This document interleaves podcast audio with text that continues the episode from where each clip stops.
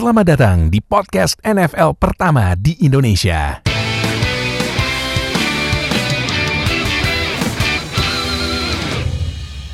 Baik sama gue Fadil di Zero Knowledge Podcast. Maaf agak ini agak ngelek karena gue gak ngerasa ini enam hari lagi menuju draft. Buset, udah cepet banget ya. lagi ya. Cepet banget, buset. Berarti udah waktunya kita keluarin mock draft. Nah, yuk, yuk, kita keluarin mock draft kita, yuk. ini nah, ini sesuai sesuai janji kita nanti sekitaran hari Senin atau Selasa besok kita bakal rilis mock draft yang udah bener-bener final ya daripada kita bikin versi 1 1.0, 2.0, ntar ntar 1.0 kok ini ini ntar 2.0 kok ini diambil itu sampai 5 sampai 10.0 juga ntar di, diprotes. Nah, jadi kita bikinnya final aja ntar. Nanti rilisnya Senin atau Selasa. Nah, kita jelasin di podcast hari Rabu. Insya Allah kalau ya hari Rabu. Nah, jadi tungguin aja mock draft dari Julian sama Noha yang udah hadir lagi buat terakhir nih ya em, prospek safety yang kayak nomor satu udah clear ya tapi tapi yang yang di bawah nomor satu nih yang kayaknya bak, eh, banyak dibahas nih nah jadi kemarin kalau udah nonton yang top 5 eh, safety musim 2020 ya, ya yang nggak ada yang kan list gue nggak ada Jamal Adams ya iyalah blitz only no pass coverage ngapain nah Blitzman, Jadi- Blitzman. Iya, Blitz Boy. Nah, jadi yaudah kalau gitu nggak pakai lama langsung aja kita mulai top 5 rookie safety di 2021 draft. Eh yaudah langsung aja kita mulai dari Nuha no. Lu nomor 5 siapa no? Oke, nomor 5 gua gua mau taruh Joshua Bledsoe dari University of Missouri. Siapa? Joshua Bledsoe. Joshua Bledsoe. Ya. Dari Joshua Missouri. Bledsoe. Missouri ya. Ya, kenapa deh? Dia si Bledsoe ini hitungannya dia cukup solid ya sebagai sebagai starter gitu. Nah, Dia di, selama di Missouri si Bledsoe ini termasuk hitungannya cukup solid lah. Dia steady kontributor. Jadi selama main kan dia main 4 mainnya 4 tahun ya, 4 sih, 4 years main di college gitu. Mhm. Jadi dia tuh secara secara long, longevity si Bledsoe ini ya tough player yang udah siap untuk masuk di NFL gitu. Walaupun Ah. mungkin kalau misalnya compare itu di other di other prospect gitu. Ya masih sebenarnya masih banyak yang lebih lebih established as a rookie prospect yang mungkin nggak kelasnya tuh nggak akan seperti kayak yang nomor satu gitu yang Mhm. bakal langsung bisa ready to, ready to deploy since day one gitu. Bledsoe itu memang kalau menurut gue memang start outnya mungkin lebih cocok menjadi backup dulu deh menjadi backup maksudnya untuk backup safety gitu dan pro- projectednya si Bledsoe ini memang nggak memang nggak terlalu, terlalu tinggi mungkin either itu late second atau third, third round gitu si Bledsoe masih masih masih, bisa di situ jadi ya- jadi selama selama karir dia di di Missouri pun dia ability, ability dia untuk break up pass tuh juga oke gitu. Untuk break up pass, dia juga tough ya, tough player jadi tough player dan secara secara ini kan secara physicality dia ya sebenarnya nggak bisa dibilang gede juga ya, cuman decent aja sih menurut gue. Maksudnya body dia, frame dia si Bledsoe si Mich- selama di college tuh dia belum bukan mungkin belum ada kayak injury yang parah banget ya. Hmm. Tapi memang sejauh ini sih dia konsisten 4 tahun 4 tahun main pun jumlah gamenya tuh hampir sama gitu 12 game dari tahun 2017 sampai 2019 3 season dia main 12 game full. Nah di 2020 2020 kan mungkin seasonnya di cut gitu jadi jadi cuma main 10 game dan bahkan di di juniornya dia di 2019 tuh dia bikin tackle 49 kali which is itu yang paling banyak selama dia main di selama main dia main di college gitu. Memang breakoutnya si Bledsoe itu memang di 2019 ya. Jadi sebenarnya walaupun gitu memang secara as a talent kalau dia masuk NFL nggak bakal langsung bisa ready untuk di day one gitu. Mungkin dia harus develop dulu untuk beberapa beberapa waktu gitu biar dia terbiasa sama NFL ya jadi backup dan potensialnya sebenarnya dia potensialnya gede ya, potensial buat menjadi strong safety starter di NFL itu cukup gede. Cuman karena dia si Bledsoe ini memang secara abil, dia memang secara ability nggak se sepolis kayak prospek yang lain. Jadi dia mungkin harus jadi backup dulu ketika nanti dia harus di draft di NFL gitu. Mhm. Ah, oke. Tapi gue cek ini eh, siapa Joshua Bled Bledsoe ya, tapi ini versi ini ya, versi eh, The Beast-nya di Atletik ya. Ya lebih. Tuh. Ini dia grade-nya 6 sampai 7 round loh. Nah, itu kenapa lu naruhnya nomor 5? Gue tau nomor 5 karena dia main di college, selama main di college statistiknya stabil dan dia nggak ada rekor cedera yang bikin si stoknya dia tuh nggak harus nyampe drop banget tuh menurut gue nggak. Kan tadi gue bilang di 2019 di juniornya dia tuh dia dia high, highest career highest career tackle gitu. Berarti dia secara reading coverage, ini menurut gue ya, reading coverage dia tuh ya udah termasuk oke. Walaupun tadi gue bilang dia nggak bakal langsung bisa menjadi starter since day one gitu. Tapi dia bisa belajar dulu kalau misalnya dia di draft, dia belajar sama senior sama senior senior safety-nya terlebih dahulu. Dan menurut gue dia potensialnya cukup gede untuk menjadi starter gitu. Walaupun memang di awal nggak harus menjadi starter terlebih dahulu gitu. Ya mungkin butuh at least satu musim biar dia sit out di the bench, nggak harus sit out sih mungkin. Ya play beberapa snap to learn the, def- the NFL defense sih. menurut gue. Ah, oke oke oke. Oke. Eh, Jul, lu nomor 5 siapa?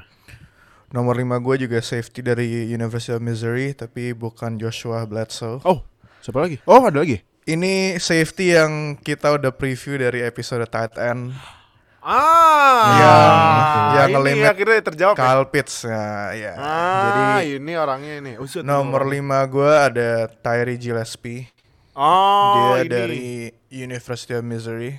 Oh, dia yang ngelimit ini ya, Kyle Pitts ya. Benar. Tyree Gillespie ya. Jadi Tari Gillespie ini dia dari season 2018 udah jadi starting free safety-nya Missouri. Nah, terus juga dia sebenarnya physically ini prototypical NFL safety gitu. Dan ini sih, walaupun dia mungkin em, di projectnya di NFL sebagai backup atau special team contributor, menurut gue sebenarnya ceilingnya dia tuh bisa jadi ini apa starting safety yang mungkin sering main jadi nickel safety gitu, main di nickel karena he's really good at tackling and he's uh, explosive dan agresif gitu terutama di run game. Dan si Gillespie ini em, di pass coverage pun sebenarnya oke juga gitu. Dia kayak saat di season kemarin ini 2020 dia cuman gave up 7 passing ya kalau nggak salah. ya. Dan dia pas lawan Alabama em, dia tackle dia nge-stop Najee Harris di goal line. Oh, Terus em, ada pas break up lawan Devonta Smith sama tackle for loss lawan Jalen Waddle. Itu semua di satu drive dia lakuin gitu. Dan dia di di apa di pas lawan Florida itu ngelimit si si te- ke satu catch 8 yard kalau nggak salah. aha, Kyle Pitts loh yang Mhm. digadang-gadang jadi top 5 Gila. pick gitu. aha. Dan ini sih si si Tari Gillespie ini kenapa dibilang mungkin em, nggak ceilingnya tuh cuma jadi backup gitu karena dia walaupun agresif secara physically dia prototypical safety dia ini masih kurang bisa recognizing playnya itu bakal running atau passing gitu. Jadi dia masih belum bisa terlalu ngebaca em, offense yang dia lawan tuh bakal gimana. Makanya em, better dia dipakai sebagai nickel gitu. Di mana mungkin di goal line situation atau mungkin di em, situasi situasi situasi yang likely bakal run gitu. Karena dia against the run tuh jago banget dan mungkin dia kalau dia selama ini di Missouri mainnya kayak as uh, single high safety gitu tapi mungkin kalau di NFL sih dia nggak bakal bisa tapi maksudnya apalagi dengan NFL defense sekarang kan banyak ini ya defense yang udah mainnya udah bukan di base alignment gitu yang udah banyak Iya. kayak pakai nickel gitu. Nah dia bisa Ah, jadi someone yang very um, valuable gitu untuk Hmm. sebuah NFL defense. Apalagi yang kayak suka sembunyi-sembunyiin package gitu. Mhm. Gitu sih. Dia versatile dan size-nya tuh bagus. Cuman ya secara eh, apa ngebaca play masih agak kurang gitu. Dan ini juga kan dia di Missouri bareng ini kan yang kalau kita minggu lalu ngebah eh dua minggu lalu ngebahas di episode eh, linebacker Nick Bolton. Nah itu Nick Bolton kan juga gue bilang waktu itu dia juga better as a run defender gitu. Nah ini juga sama case-nya dengan Terry Gillespie. Hmm, oke. Berarti jawabannya udah ke ini ya. Iya. Udah ketahuan ya. Udah berapa minggu berarti itu. Lumayan jauh ya. Lumayan lama sekali. Iya, berarti yang ngelimit eh Kyle Pitts itu Tyree Gillespie ditaruh nomor 5 sama Julian di Lisena. Jadi nomor 4 siapa no? Eh sorry sorry sorry sebelum lanjut Tyree, Tyree Gillespie kalau versi The Beast dia projected fourth round ya. Iya, karena Iya. Sebenarnya ini sih this season apa di I mean this this year buat uh, safety prospect tuh nggak ada yang terlalu bagus gitu. Makanya kalau di The Beast kan yang paling tingginya pun projected grade-nya kan second round kan, kayak di pick round 40th gitu. Nggak even di Iya. di atas in in the top of the second round gitu. Itu udah mulai agak di masuk ke tengah-tengah Iya. karena emang nggak ada prospek yang must pick kayak tahun lalu kan ada Antoine Whitfield Antoine gitu Whitfield. contohnya nah makanya itu tapi menurut gue ya ada menurut gue sih the beast agak terlalu harsh ya untuk kes- untuk safety posi- po- position Iya. gitu Iya. Ini gue cek juga nomor satu ternyata bukan yang banyak mock draft yang eh, pa- safety paling pertama diambil sama highest grade-nya second round loh, nggak ada first. Iya. Karena Tapi- ah, eh, ini sih posisi safety sendiri juga ini kan udah em, kayak misalnya kita lihat ada kayak Jeremy Chin, Isaiah Simon gitu yang Iya. udah mereka hybrid between safety and linebacker gitu. Mhm. Jadi agak susah juga untuk nge-evaluate safety yang paling bagus siapa kayak tergantung evaluatornya taste-nya kayak gimana buat safety yang mereka suka gitu. Mhm. Hmm, Jadi iya, makanya Mak. bisa agak berubah-berubah walaupun sebenarnya si atletik nomor satunya itu lumayan anti mainstream sih karena most konsensusnya em, yang dari di- TCU. bener yang Nah. di The Athletic The Beast ditaruhnya di nomor 2 iya nomor dua, makanya gue juga lihat lah nomor dua. Buset, tapi nanti nanti tergant ini ya, ntar gue sesuaiin sama list kalian berdua ya. Nah, nom eh, nomor empat siapa nu? Nomor 4 gua dari TCU. Oh, tapi nah ini ada dua nih TCU. nah, gue dapat lihat The Beast nih. Tapi gua bakal pilih Ardarius Washington. Ah, Ardarius Washington ya. Ya. Yang projected juga fourth round di atas Tyree Gillespie kalau versi The Beast-nya di Athletics. Nah, kenapa Ar- Iya, Ardarius Washington? Washington ini menurut gue salah satu ya contoh yang tipikalnya yang klasik safety lah. Dia tuh ya tipik- tipikalnya yang safety banget lah, safety mungkin bisa dibilang kayak safety zaman jadul kali ya, nggak bisa bilang bukan zaman jadul juga sih ya.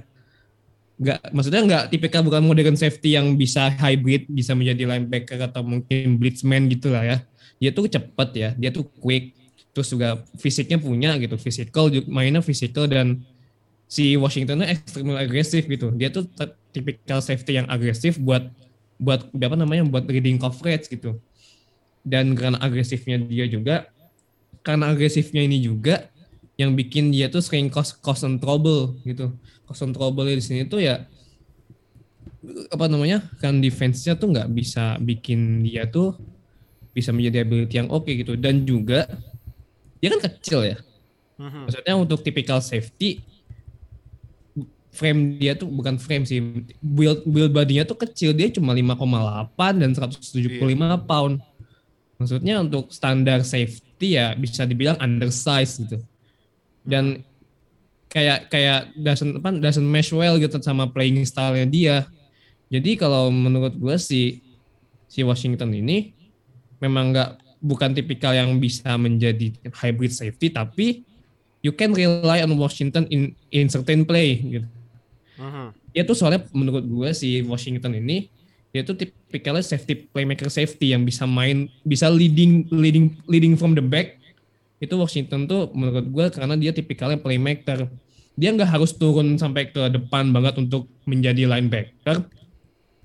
Karena dia di secara secara posisi di belakang pun dia udah bisa kontrol dengan reading coverage dia yang bagus gitu. Mhm. jadi makanya kekurangan dia berupa kekurangan si Washington berupa build-nya dia yang kecil tuh bisa ketolong sama bisa ketolong sama football IQ-nya dia. Makanya gue pengen pengen naruh dia di nomor 4 karena di football IQ dia tuh masuk cukup bagus walaupun Oh. secara build, secara secara physicality ya benar-benar menjadi dalam tanda kutip inilah mungkin kalau tim-tim NFL bakal menjadi yellow flag karena badan dia kecil gitu. Ah. Tapi karena football IQ-nya dia bagus, reading coverage-nya dia tahu gimana how offense lawan itu gimana, jadi makanya gue menilai menaruh dia di nomor 4. Hmm, oke. Berarti ada Darius Washington, TCU, nomor 4 Nuha. Nah, Jul, nomor 4 tuh siapa? Nomor 4 gue kalau lu cek di listnya The Beast untuk safety nggak ada. Hah? Karena dia ada di listnya cornerback. Lah, siapa? Eh, Elijah Molden dari Washington. Oh, Elijah Molden. Coba gue Iya. cek ya. Oh iya, iya, ini di ini cornerback sih, bener. Oh, tapi ini prospeknya dia nomor 45 di top 100 ya. Iya. Kenapa Elijah Molden? Jadi Elijah Molden ini kenapa gue taruh di um, jadi list gue sebagai safety karena menurut gue di NFL dia bakal lebih banyak main sebagai nickel gitu dan Aha. dan juga dia di college tuh ini mainnya ganti-ganti posisi. Safety sama safety pernah cornerback pernah gitu. Tapi dia is very good at covering the slot gitu. Makanya um, menurut gua dia bakal project as a corner safety eh sorry eh, a nickel safety gitu yang mungkin bakal disuruh cover apa um, against the run game sama um, cover against ini slot receivers gitu karena um, dia run defense-nya pun lumayan oke gitu. Maksudnya um, bukan lumayan oke sih sebagai someone yang main cornerback di di college, he's really good gitu. Cuman masalahnya dia ini kadang-kadang suka um, terlalu agresif. Jadi makanya mungkin agak gampang di ditipu-tipu gitu. Kalau safety-nya eh uh, receiver yang dia matchup itu jago route runningnya mungkin karena dia terlalu agresif dia bisa ketipu. Tapi maksudnya dia di college main apa main sebagai corner obviously dia bakal ini bakal apa at least jago lah gitu sebagai eh, cover cover defender gitu. Dan dia juga nggak pasti sebagai safety atau nickel eh, defensive back nggak bakal jarang disuruh di man kayak cover one on one kayak uh, number one wide receiver-nya lawan gitu. Tapi um, ini sih mungkin negatifnya dia kenapa um, di cornerback sen- list sendiri dia nggak dimention karena dia ini secara badan tuh nggak sesuai dengan standarnya NFL untuk cornerback sama um, ya kok untuk masuk jadi sebagai cornerback lah gitu dan juga dia speed sama burstnya tuh nggak nggak bagus gitu terutama untuk sebagai cornerback makanya dia ditaruhnya di college juga mainnya sebagai slot cornerback which menurut gua bakal project well pas dia di NFL kalau dia jadi nickel defensive back gitu Nickel defense ya. Hmm, oke oke. Menarik nih. Masukinnya bukan dari safety loh. Hmm, Oke oke. Nah, nomor tiga siapa nu? Nomor 3 gue gua bakal pilih Richie Grant Ri- from University of Central Florida. Nah, ini kalau di The Beast Richie Grant nomor satu di prospek safeties. Nah, di atas nanti yang kayaknya bakal ditaruh nomor satu semua. Dia second second round uh, projected. Kenapa Richie Grant dari UCF? Well sebenarnya The Beast tuh memang kalau kalau menurut gue memang eh, dia si siapa Richie Grant tuh memang cukup layak kalau misalnya di atletik tuh menaruh dia sih nomor satu. Karena memang ada beberapa alasan sih karena dia dia di apa namanya selama main di 2020 si Richie Grant ini dia tuh benar-benar nunjukin dia tuh benar-benar bagus secara zone coverage gitu. Dan dia tuh juga contributing banget untuk run defense juga. Jadi zone coverage bisa run defense bisa gitu. Jadi itu ya menurut beberapa tim NFL ya itu safety yang komplit lah. Maksudnya lu bisa running defense lu bisa zone coverage ya. Tapi memang isunya si Richie Grant tuh dia masih kewalahan kalau misalnya disuruh main coverage gitu. Aha. dia si main kalau main kalau main coverage itu untuk one on one si Richie Grant memang masih kewalahan. Dia masih punya isu di situ. Tapi si Richie Grant itu dia hard hitter banget dan dia tuh ball ball skill itu juga bagus. Jadi menurut gua dia tuh kalau misalnya oke lah mungkin beberapa mungkin memang si siapa namanya? Richie Grant itu ditaruhnya sama The Beast nomor satu. Cuman yang bikin menurut kebanyakan kalau menurut gua kenapa nggak ditaruh nomor satu menurut gua dia bisa jadi sleeper. Bisa Oh, oke. menjadi sleeper bisa menjadi sleeper prospek gitu. Karena Aha. memang yang banyak media covernya yang si nomor satu itu. Tapi menurut gua dengan dia punya dua ability zone coverage dan running defense siapa pun yang ngedraft dia entah itu mungkin di third round atau mungkin late second atau mungkin dia mungkin late third round Mhm. dia bisa menjadi sleeper yang bagus untuk beberapa tim di NFL gitu. Dan ya kalau bisa jatuh ke Rams ya. Ah, karena lumayan Jaring kehilangan safety. beberapa ya. Lumayan Ah. kehilangan beberapa orang gitu. Jadi ya. Dan secara statistik pun juga oke gitu si Richie Grant. Jadi ya ya semoga jatuh ke Rams lah. Richie Grant ya. Oke. Jul nomor tiga siapa? Nomor tiga gue juga sebenarnya sama Richie Oh, Grant Richie Grant juga. dari University of Central Florida. Ah, Um, kalau kita ngerekam episode ini tahun lalu, he would be number one. Oh. iya betul betul he would be number one Karena Kenapa, dia kenapa, kenapa? tahun, tahun lalu emang inilah di digadang-gadang sebagai salah satu top apa top prospect if not the best safety prospect buat draft 2021 gitu. Cuman Ah. ya di season kemarin ya dia mainnya juga tetap lumayan bagus. Aha. Eh dia dia main gak ya? main Iya dia dia main Em, tapi ini si Main, main. em, maksudnya ada prospek-prospek lain yang eh, inilah breakout dan akhirnya ngelewatin dia gitu. Mhm. Terutama Hmm. yang kalau orang-orang bilang banyak orang bilang di nomor satu. Mhm. Ya tapi Richie Grant ini dia masuk ke UCF ini sebagai wide receiver gitu. iya Terus betul baru Oh jadi wide receiver. iya tapi cuman kayak dua star. Oh, oke, oke, oke. Ya, terus kayak di tahun pertama dia redshirt, nah pas di tahun kedua dia di kampus baru dia main sebagai safety gitu.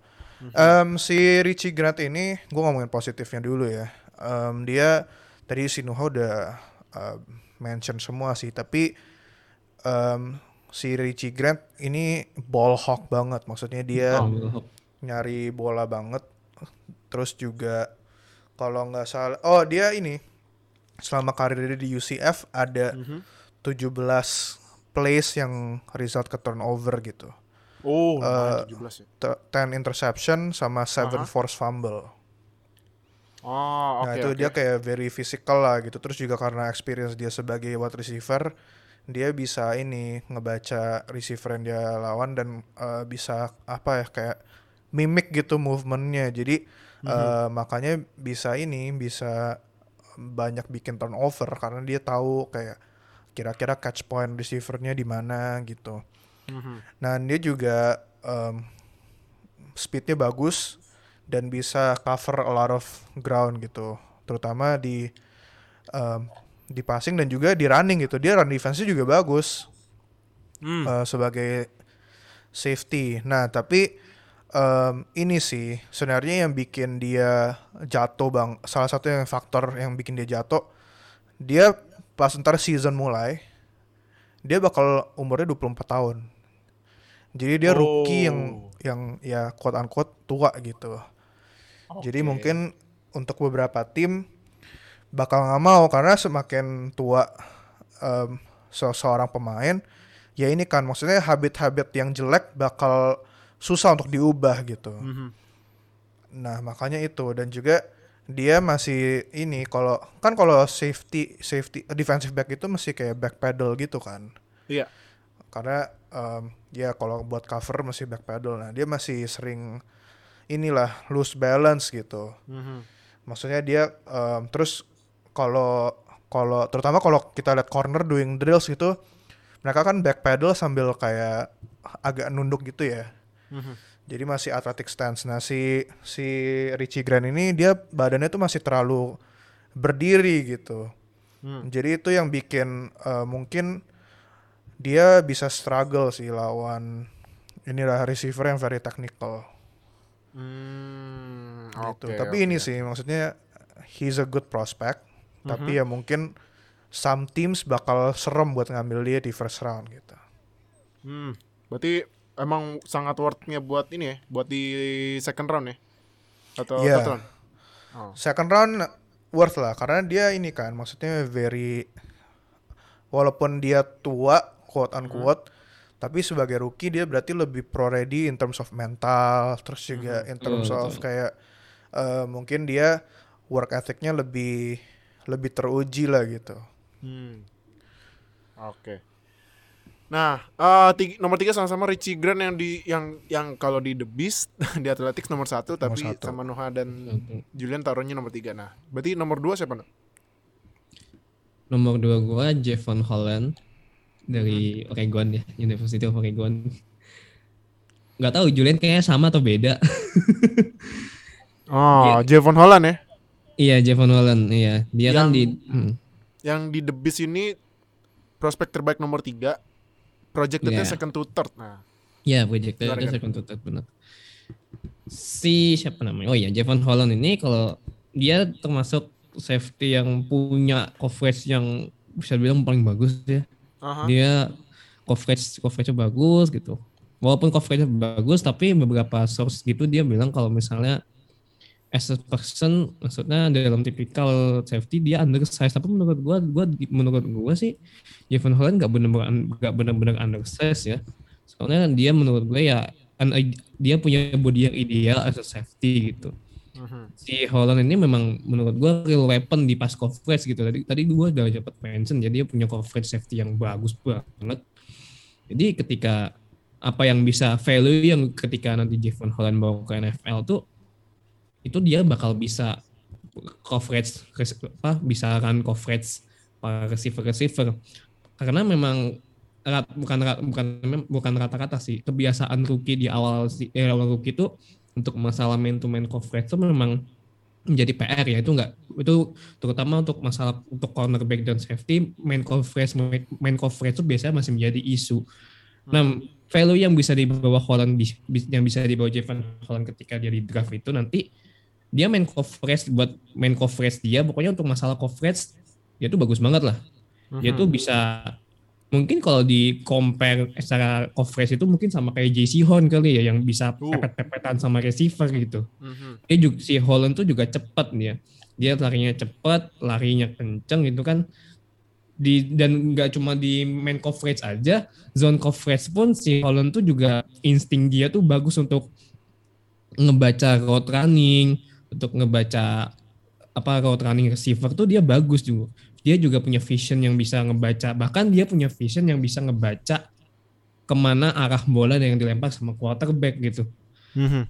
jadi bolanya udah mau misal apa dia bisa ngebaca mata mata quarterback tuh misalnya bola tuh mau dilempar ke mana si Holland tuh udah bisa ngebaca gitu. Misalnya dia mau ngelempar mau ke misalnya ke WR2 gitu nah si si Javon Holland tuh udah bisa recognize itu. Jadi makanya insting dia bagus banget untuk masalah coverage gitu. Dan wala- walaupun gitu dia tuh memang agak ada isu juga ya. Isunya dia tuh memang dia kadang kalau tackle tackle masalah tackle memang nggak terlalu ya nggak bisa terlalu bilang bagus. Biasa aja lah ability tackle-nya si Javon Holland gitu. Tapi walaupun tackle-nya biasa-biasa aja dia nggak ragu buat main physical gitu. Dan buat buat ya, untuk tackle hard hard hit hard hit gitu si Javon Holland dia memang nggak ragu untuk nggak ragu juga untuk melakukan hal itu. Walaupun secara tackle ability dia ya biasa aja gitu nggak bisa nggak seistimewa ketika dia coverage lah nggak seistimewa itu.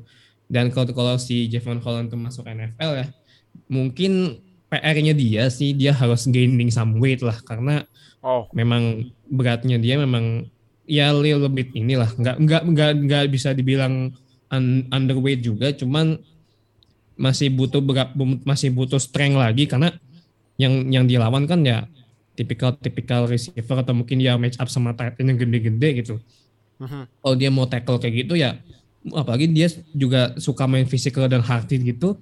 Kalau misalnya di match upnya sama tight end tight end yang gede-gede gitu macam George Kittle yang benar-benar lan block lan blocker kayak gong gitu ya dia pasti kalah gitu. Pasti kalah telak gitu. Jadi dan juga si Javon Holland tuh dia juga bisa menjadi special team juga gitu dia soalnya bisa menjadi returner juga pan returner juga jadi itu bisa ngebantu ngebantu si Javon Holland sendiri karena kan memang secara frame nggak terlalu ya little bit under undersized lah as a safety. Cuman ketika dia dipakai menjadi returner gitu selama di college di Oregon gitu, dia bagus, dia bisa lah gitu. Jadi value-nya dia si Javon Holland tuh banyak banget yang mungkin bisa menjadi nilai nilai plus buat tim yang mau ngedraft dia. Karena value yang dia bawa memang cukup gede dan walaupun kekurangannya sih memang dalam tanda kutip ya bisa uh, bisa inilah kayak yellow flag lah tanda ininya flow-nya. Tapi value-nya si Javon Holland ini terutama di passing coverage ya. Maksudnya untuk coverage apa pun yang tipikalnya coverage dia bisa jadi value dia cukup gede buat dibawa ke as a rookie di NFL nanti Ah, oke. Nomor 2 Javon Holland eh Jil nomor 2 siapa? Oh, kalau- Nomor dua gue dari Syracuse. Mhm. Nama dia Andre Cisco. Cisco Andre Cisco. Iya. Bukan nama jaringan ini. Cisco. Bukan, bukan nama, bukan nama modem. Bukan nama udah. Andre Cisco dari se, se, se, Syracuse. Syracuse.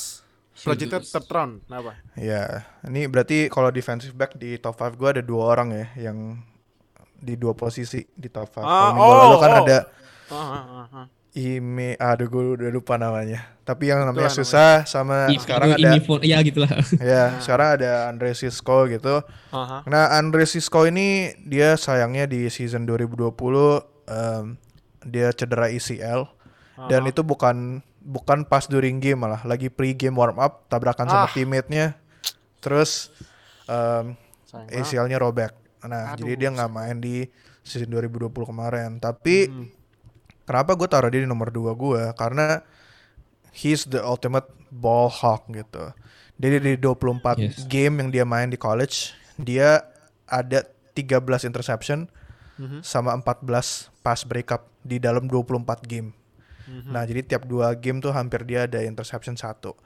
Nah, dan dia juga very athletic gitu. Size dan athleticism dia em, bagus banget sebagai safety yang membuat dia em, jadi bisa ini, bisa banyak menjadi eh, ball hawk yang produktif gitu. Karena dia eksplosif dan juga length dia bagus gitu.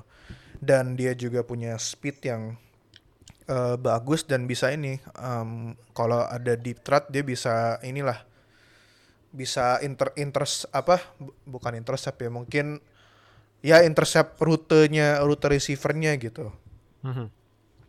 nah tapi em, kemampuan dia sebagai ball hawk itu juga yang bikin dia jadi eh jadi negatif buat dia gitu karena dia sering Oh. ini apa terlalu terlalu free dia terlalu ambil uh, free safety free dari posisi free safety nya terlalu literally jadinya dia suka ini ngejarnya bola gitu. Dan akhirnya sering blown coverage. Kalau nggak salah dia gave up 7 touchdown ya. Uh, Dari- banyak dong.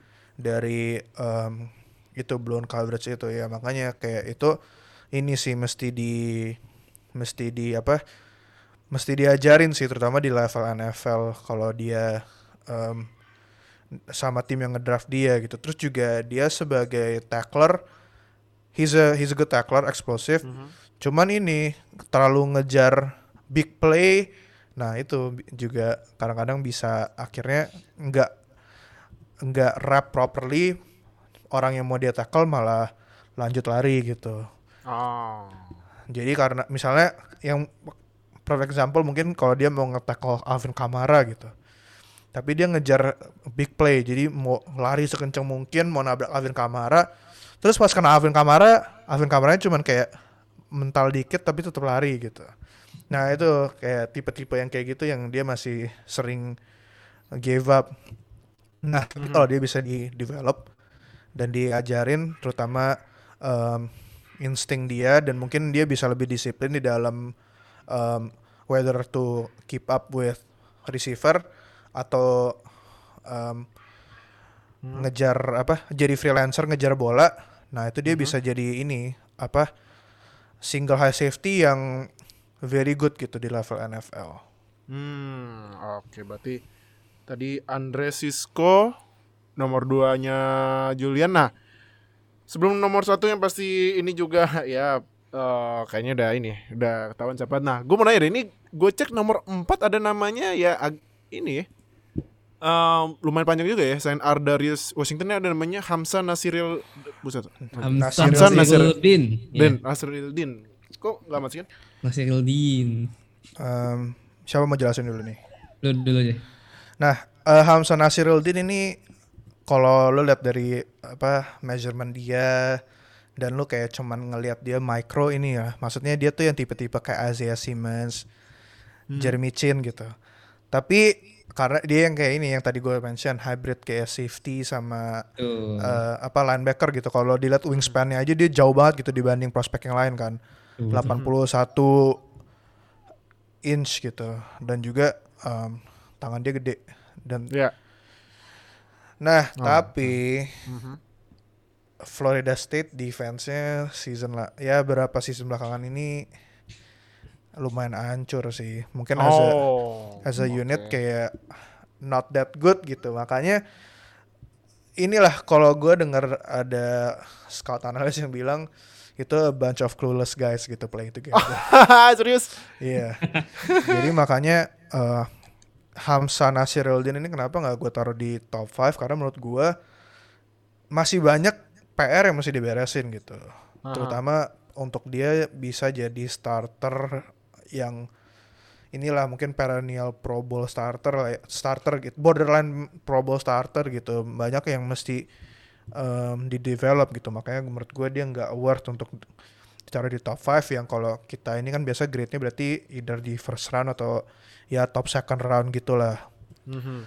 Tapi kalau kita lihat dari physical apa physical standpoint sama mungkin high highlights yang dia uh, have shown gitu, ya dia bisa someone yang apa yang kalau di the beast ditaruh di top 5 kan.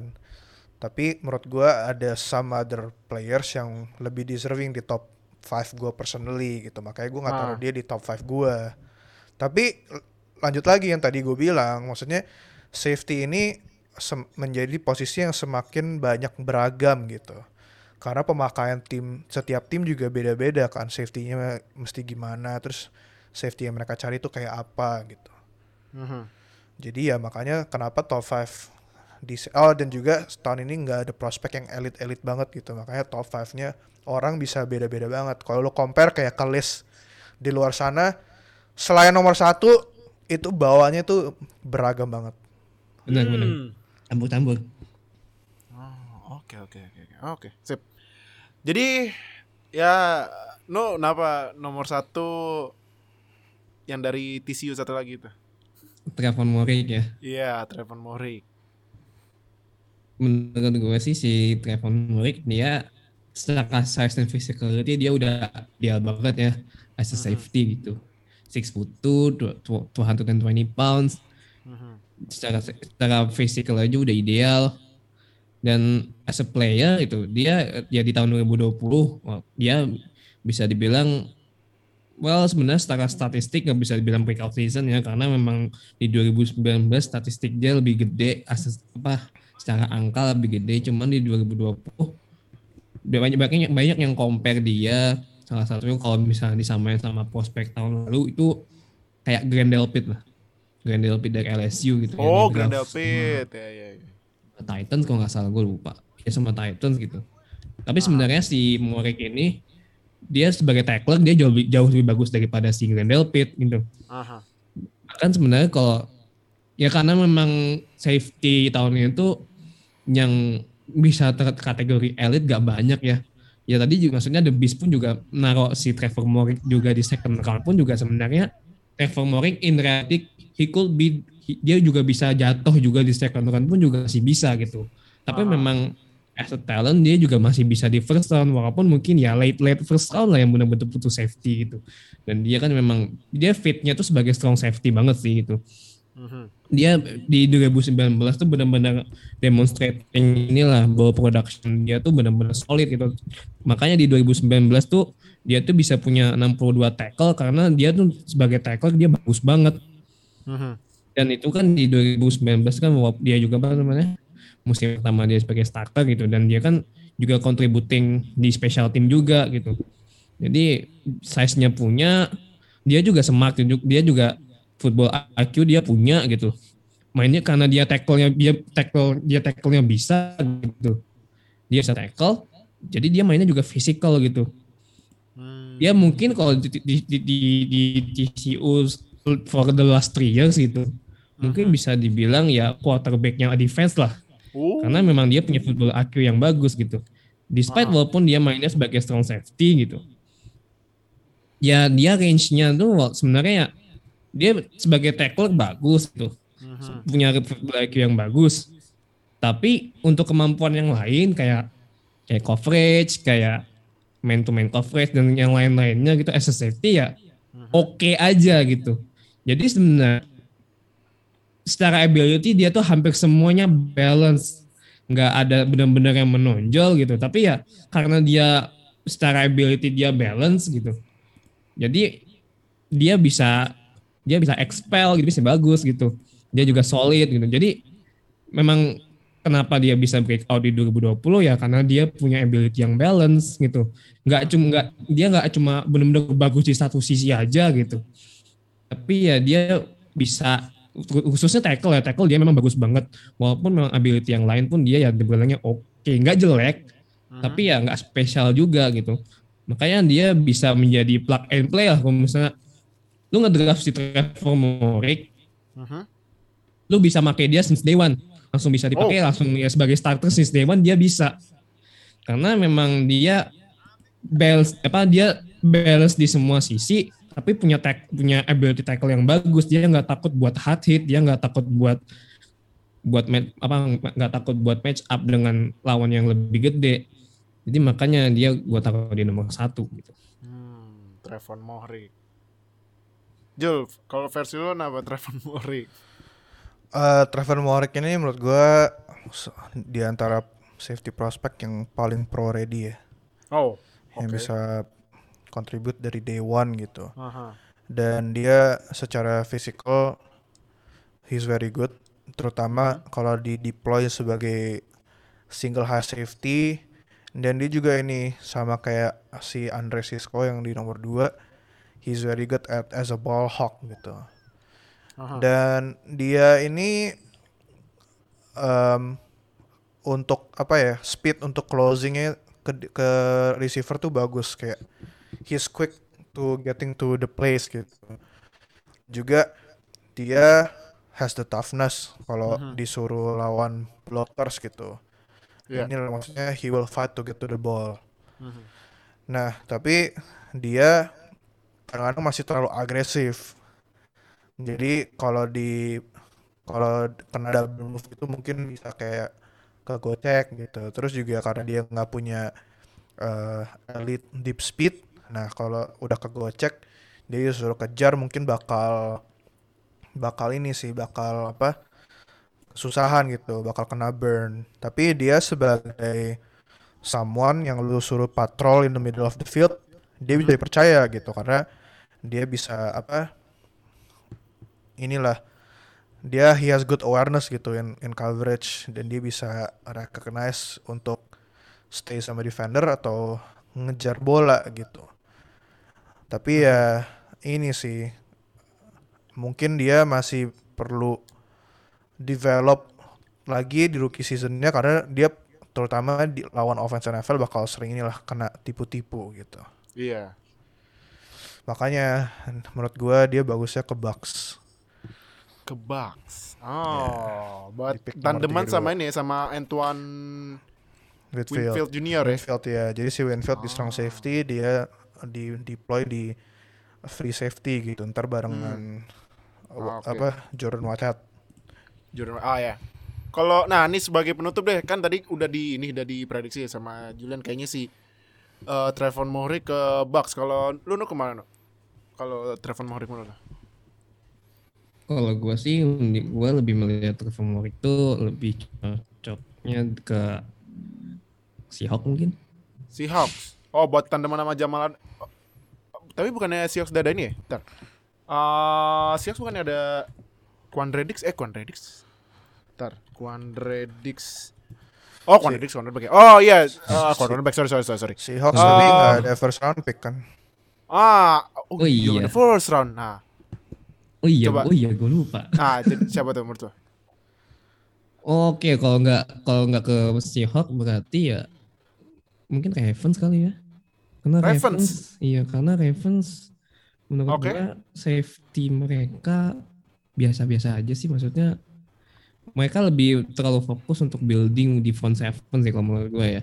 Mhm. Mereka front seven mereka udah cukup bagus cuman in some way corner nggak cuma corner sih bahkan di backfield mereka kadang suka sering kena burn juga gitu loh di, Aha. di musim lalu gitu jadi gua rasa ya Trevor Morik mungkin bisa kontribut di situ gitu walaupun mungkin juga bakal nggak ya mungkin nggak bakal terlalu sering kena burn juga sih karena memang dia balance di semua sisi ya jadi Trevor Morik ke Ravens bisa sih tapi ya let's see what, what happen, gonna happen next lah Ravens ya.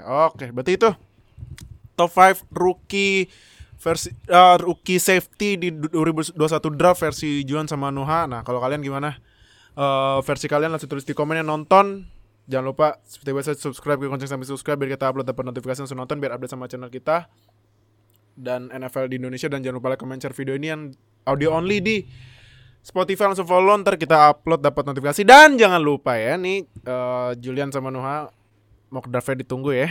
Nah, ntar kalau ada yang surprising kita bahas karena kalau misalnya per pick dibahas itu kayaknya hampir sama kayak durasi draft tuh lama.